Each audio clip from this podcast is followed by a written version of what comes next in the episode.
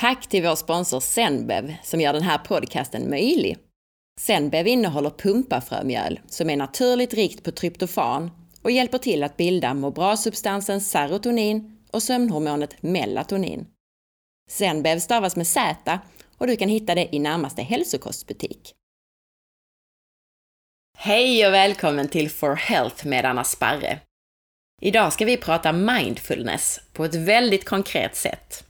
Häng med och lyssna på allt från vad forskningen säger om mindfulness till vår gästpoddares egna erfarenheter. Dessutom så kan du, om du vill, få testa lite själv i dagens avsnitt. Om du är nyfiken efter avsnittet så hittar du mer information på forhealth.se. Och glöm inte att du kan boka mig som föreläsare till ditt företag eller privata grupper. Om du gillar podcasten så tipsa din vän eller familjemedlem, eller varför inte lägga upp en länk på Facebook. Ju fler lyssnare, desto intressantare intervjupersoner får jag hit och desto mer tid kan jag lägga på podcasten. Tack snälla för hjälpen! Det här blir ett lite annorlunda avsnitt eftersom jag har bjudit in en gästpoddare. Albin Hagberg Medin. Han berättar på ett väldigt konkret sätt hur och varför mindfulness fungerar och hur det har hjälpt honom från motorväg mot att gå in i väggen med allt från sömnproblem till hjärtklappning. Och förutom att förklara vad som faktiskt händer i kroppen, om sin egen historia och om riktigt spännande forskning, så berättar han hur det går till och vi får testa på en enkel men mycket bra övning. Tycker du att mindfulness låter flummigt så är det här helt perfekt för dig. Så har jag också tyckt tidigare. Men lyssna gärna på förra avsnittet så får du höra lite om mina erfarenheter med mindfulness och hur Albins övningar hjälper bland annat med sömnen. Albin har gått från en forskarkarriär inom fusionsfysik till att bli beteendevetare och mindfulnessinstruktör. Idag driver han företaget Modern Mindfulness, som bland annat har kurser och distanskurser i mindfulness. Men jag lämnar över till Albin, så får han berätta själv. Hejsan! Först och främst vill jag tacka Anna och For Health för inbjudan till den här podcasten om mindfulness. Mitt namn är alltså Albin och den kommande halvtimman kommer jag prata lite mer om vad mindfulness-träning är. Jag kommer ge dig en översikt kring forskningen som visar vad som händer när vi lär oss mindfulness och du kommer få möjlighet att själv prova en enkel mindfulnessövning. Innan dess tänkte jag börja med att berätta hur jag själv hittade till mindfulness. För fem år sedan så hade jag nämligen en väldigt annorlunda sysselsättning än idag. Jag studerade teknisk fysik på Chalmers här i Göteborg och hade siktet inställt på en karriär som forskare på alternativa energikällor. På pappret gick mitt liv helt i rätt riktning. Jag hade flera meriterande anställningar, bland annat som lärarassistent och forskarassistent, samtidigt som jag fick stipendier och åkte runt i Europa på olika internationella forskarkonferenser. Och allt detta innan jag ens hade tagit min första examen. Men samtidigt som alla de här framstegen skedde så var det något som inte stod rätt till. Det började en regnig höstdag i november 2010. Jag vaknade upp av att klockan ringde vid halv sju som vanligt. Och när jag skulle sträcka på mig och ta ett riktigt djupt andetag så märkte jag direkt att något var udda. Jag kunde inte andas in hela vägen. Det kändes som att något i bröstkorgen tryckte emot. Hindrade lungorna från att expandera fullt ut. Ah, ja, det är säkert en förkylning. Det var min första tanke. Men veckorna gick och det här trycket över bröstet kvarstod. När jag till slut gick till en läkare så var det faktiskt främst för att jag även hade börjat uppleva hjärtklappning lite då och då. Här följde nu en flera månaders lång följetong där jag gick till tiotals olika läkare som tog EKG, lönnröntgen och hormonprover. Och alla kom de fram till precis samma sak. Jag var fullt frisk. Men detta trots att jag kände mig sjukare än någonsin. För nu var det inte bara ett tryck över bröstet som drabbade mig utan jag hade även fått magkatarr och min puls kändes konstant hög. Och några månader senare när jag även hade fått sömnproblem, jag som alltid hade kunnat somna som en stock bara jag nuddade kudden, insåg att det här var något jag faktiskt behövde ta tag i på något sätt. Men tyvärr gjorde läkarbesöken mig bara ännu mer frustrerad. Och droppen var nog när jag efter ett fem minuter långt besök fick rådet. Du behöver nog bara ta det lite lugnt Albin så ska du se att det ordnar sig. Ta det lite lugnt. Hur gör man det? Mina veckor var planerade två veckor framåt minst, ända ner på minutnivå. Och förutom skolan och studierna från 8 till 5 varje dag, även på helger i tentatiderna, så gymmade, klättrade och joggade jag fem gånger i veckan. Inte minst åt jag en kost jag ansåg vara högst optimal för min hälsa. Och nu så här i efterhand är det lätt att känna sig efterklok och inse att det uppskruvade tempot jag höll knappast var hållbart i längden. Men hur kom då mindfulness in i bilden? Ja, när det hade gått nästan ett år från den regniga höstdagen så beslutade jag mig för att prova något jag aldrig ens i mina vildaste drömmar hade kunnat tänka mig. Jag skulle lära mig meditera.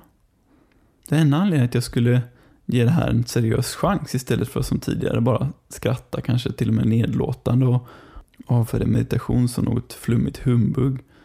Det var en speciell bok jag hade läst. Boken handlade om amerikanska hjärnforskare som hade mätt hjärnvågor hos buddhistmunkar och sett att det skett massvis med spännande förändringar i hjärnan hos munkarna när de mediterade. Aha, meditation gör något med hjärnan. Då kan det ju inte endast vara flummigt. Ungefär så gick nog min tankegång när jag signade upp för en buddhistisk intensivkurs, eller retreat som det också kallades.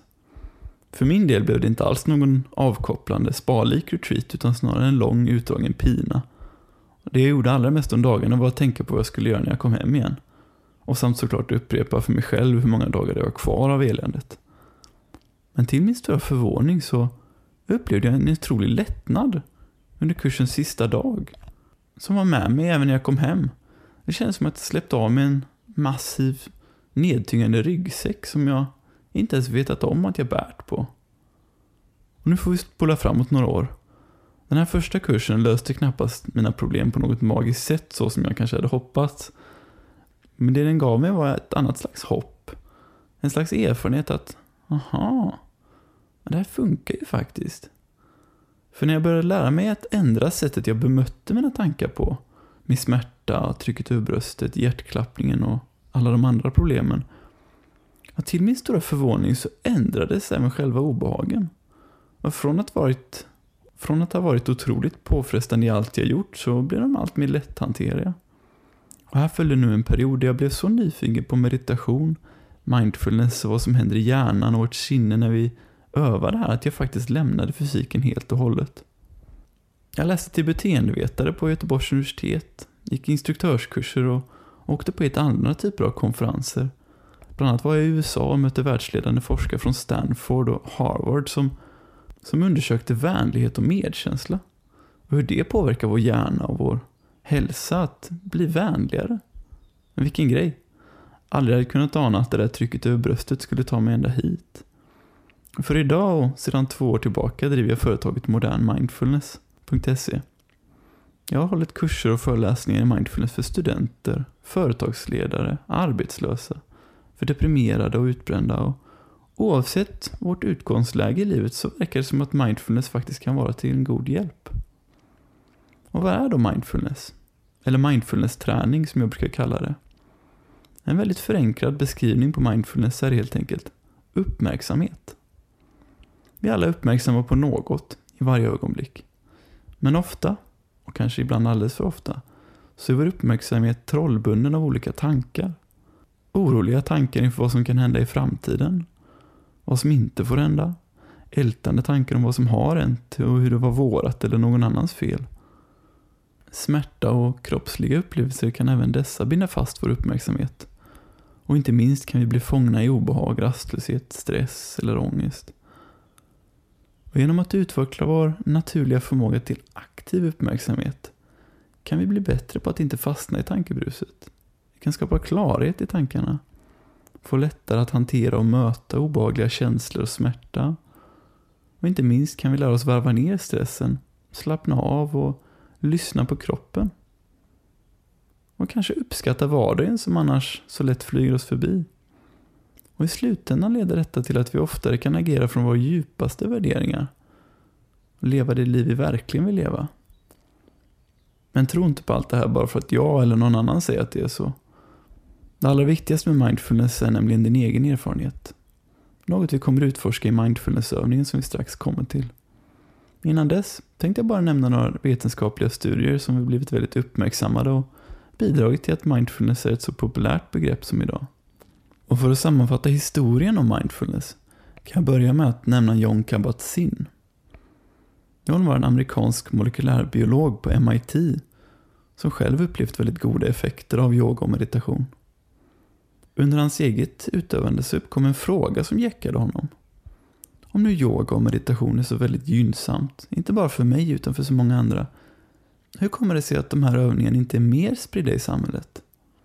Ett svar på hans fråga var att de här metoderna varit så inkapslade i religiösa traditioner inom buddhism och hinduism att detta hindrat människor i vårt sekulära samhälle att ta till sig dem.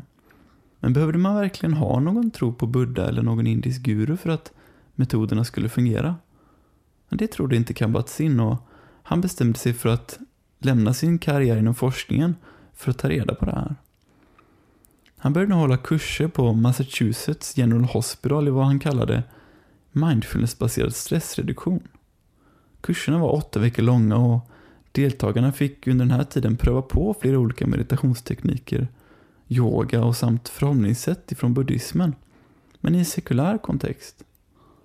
Och som första deltagare i kurserna så fick han tillåtelse från sjukhuset att bjuda in de patienter som de själva inte kunde genombot. Det handlar om människor med kroniska sjukdomar av olika slag. Och efter att ha gått den här åtta veckors kursen så skedde inga mirakulösa tillfrisknanden. Men många människor beskrev att de hade fått tillbaka en slags livsgnista eller värdighet i sig själva. Och de initiala studierna visade att deras stressnivåer hade minskat och deras välmående hade ökat. Under de kommande 20 åren fortsatte Kabat-Zinn i långsam takt att hålla kurser, utöka till fler center och nya studier. 2003 gick han ihop med hjärnforskaren Richard Davidson som här gjorde en banbrytande studie. När medarbetare på ett bioteknikföretag i USA hade gått en sån här åtta veckors kurs i mindfulness så kunde forskarna se att aktiviteten i deras frontallober hade skiftat på ett sätt som man tidigare visste var sammankopplat med en välmående och lycka. Dessutom hade deras immunförsvar även förbättrats och här följde nu flera andra studier. Bland annat såg forskarna att bara åtta veckor kunde överaktivitet i amygdala minska och normaliseras. Ett område i hjärnan som ibland kallas hjärnans stresscentrum. Ett annat område i hjärnan, hippocampus, som är viktigt för vårt närminne och koncentrationsförmåga, såg man istället celltillväxt hos vuxna människor. En otrolig upptäckt om man tidigare vetat att när människor går med höga stressnivåer under lång tid, såsom vid utbrändhet, depression eller posttraumatisk stress, så leder detta till att hjärnceller i hippocampus faktiskt förtvinar. Men den här studien visar att det även går att vända på processen. Forskningen fick därefter ett rasande tempo och idag finns det över 3000 publicerade studier som undersökt vad som händer i hjärnan, i kroppen och i sinnet när vi övar mindfulness. Men när du nu läser vidare om mindfulness, kom ihåg att det faktiskt är ett nytt forskningsområde och journalistiken tyvärr gärna överdriver vetenskapliga resultat. Och med det sagt tänkte jag att vi nu kan avrunda med en mindfulnessövning så du själv kan prova på vad det kan innebära för dig.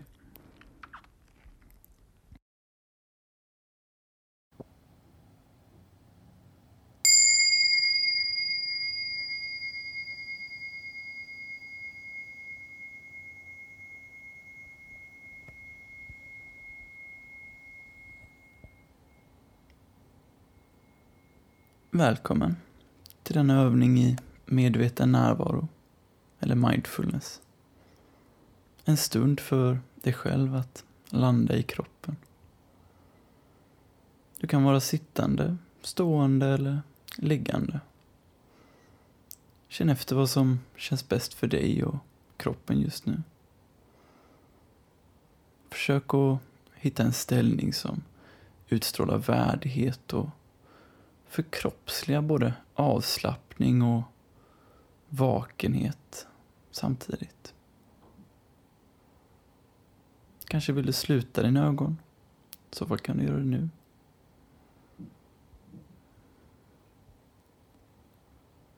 Pröva om du kan hålla min röst i medvetandet likt bakgrundsmusik. Något du inte aktivt behöver lyssna på. Kom ihåg att du när som helst kan gå till den viktiga övningen. Din egen upplevelse. din egen erfarenhet.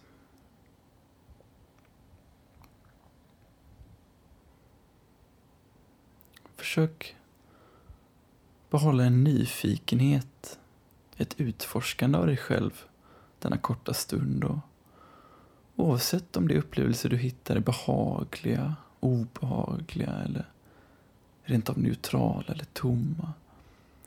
Se om du bara kan låta dem vara precis som de är. Du kan börja med att försiktigt känna hur tyngden i din kropp är fördelad. Var någonstans bärs din kropp upp?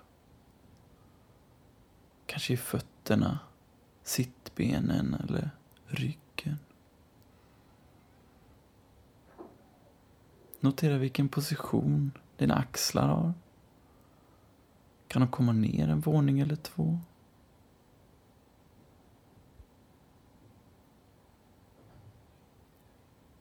Undersök hur dina kläder berör olika delar av kroppen. Hur de känns emot dina ben, din rygg och ditt bröst. Kan du märka några rörelser från andningen?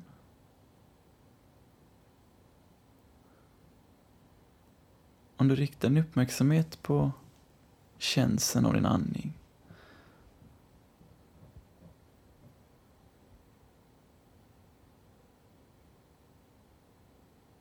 Var någonstans känner du andningen som mest och som minst? Och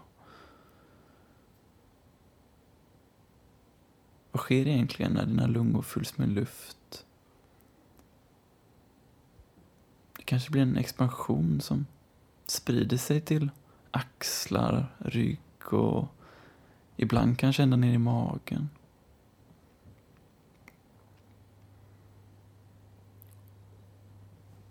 på det efterföljande utandetaget kanske överkroppen sjunker samman något.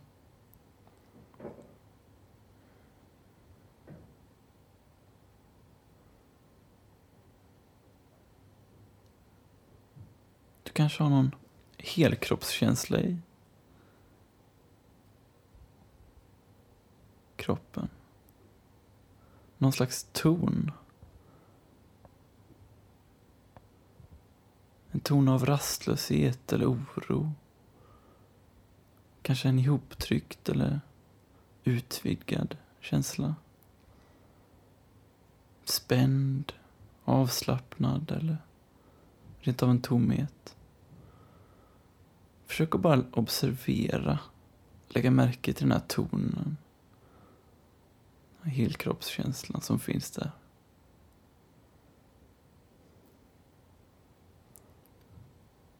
Om ditt fokus skulle dra iväg till tankar av olika slag, till minnen eller framtidsscenarion.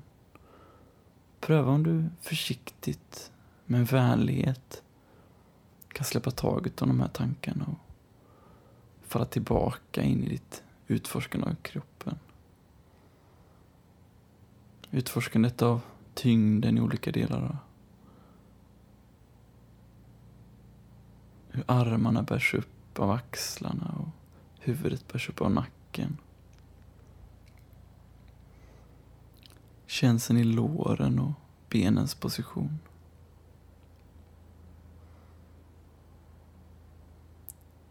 Känns den i hela kroppen. Ändå om du vågar stanna kvar i den här tonen i kroppen just nu. Vare sig den är obaglig eller behaglig. Stark och intensiv eller mild. Om du med en ärlighet mot dig själv låter dig uppleva det som finns där. Vad händer om du tillåter dig att sjunka in i den här känslan i kroppen? Vad den än är.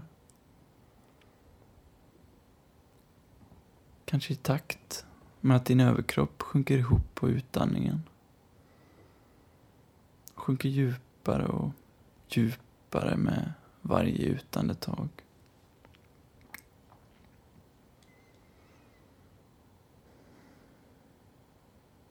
Nästan som att typ du badar hela kroppen i din medvetenhet.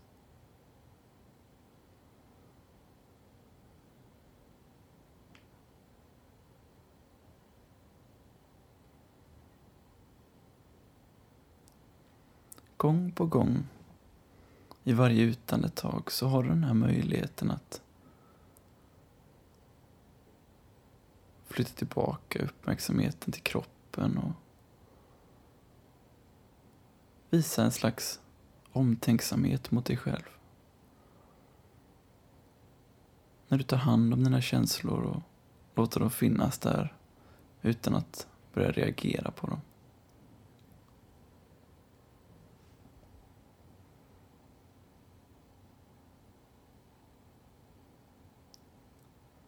Se om du kan ta med den här medvetenheten om kroppen när du möter resten av dagen. Kanske resten av livet.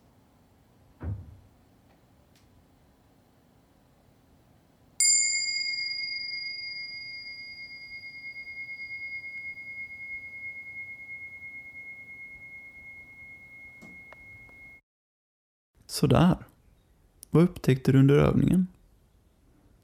Kom ihåg att det viktiga med mindfulness-träning är inte vad vi upplever, utan hur du förhåller dig till det. Mycket tankar, få tankar, smärta eller välbehag, spänning eller avslappning, trötthet, rastlöshet. Hur du än upplever dig själv och din kropp så kan du alltid öva mindfulness genom att bemöta det här på ett så vänligt, ärligt och tillåtande sätt som möjligt. Nu börjar vi närma oss slutet av den här podcasten och jag vill passa på att tacka för din uppmärksamhet. Skulle du nu efter denna stunden tycka att mm, det här med mindfulness, det verkar rätt intressant ändå. Häng kvar, så kommer Anna berätta mer om onlinekursen jag har utvecklat och hur du gör för att ta del av vårt rabatterbjudande till dig. Tack Albin för det här. Om du som lyssnare gillade övningen så kommer den även att bli ett eget avsnitt. Så att du när som helst kan gå tillbaka och öva mindfulness. Bestäm dig för att testa att göra det var dag i en eller två veckor till exempel och se vad som händer. Jag utmanar dig att verkligen testa detta och vill gärna att du återkommer och kommenterar på bloggen om du känner några skillnader. Du kan gå tillbaka och använda samma övning var dag. Vi lägger den som sagt i ett eget avsnitt som vi kallar avsnitt 42b. Och vill du ha mer av detta så rekommenderar jag dig att gå till mindfulnessträning.se och modernmindfulness.se. Albin han har ett onlinebaserat träningsprogram i mindfulness som du kan göra både genom din dator eller din smartphone. Och programmet består av 35 kursdagar, men du kan välja att göra det helt i din egen takt. Och där får du bland annat ett 20-tal guidade mindfulnessövningar som du kan lyssna på och ladda ner och spara. Och du får inspirerande videoklipp och en massa fakta som du kan välja själv om du vill läsa eller inte. Albin han har gett oss ett generöst erbjudande till alla som lyssnar på podden och du får gå kursen för halva priset. Och för att ta del av erbjudandet så får du gå in på mindfulnessträning.se slash for health. Tack för att du lyssnade! Missa inte att följa med på facebook.com forhealth.se och på Instagram under signaturen asparre. Gå gärna in på iTunes och lämna betyg och recension. Och titta in på bloggen på forhealth.se och önska intervjupersoner. Eller ställ frågor som du vill att jag eller en intervjuperson besvarar i podcasten. Ha en riktigt härlig dag, ta hand om dig så hörs vi snart igen.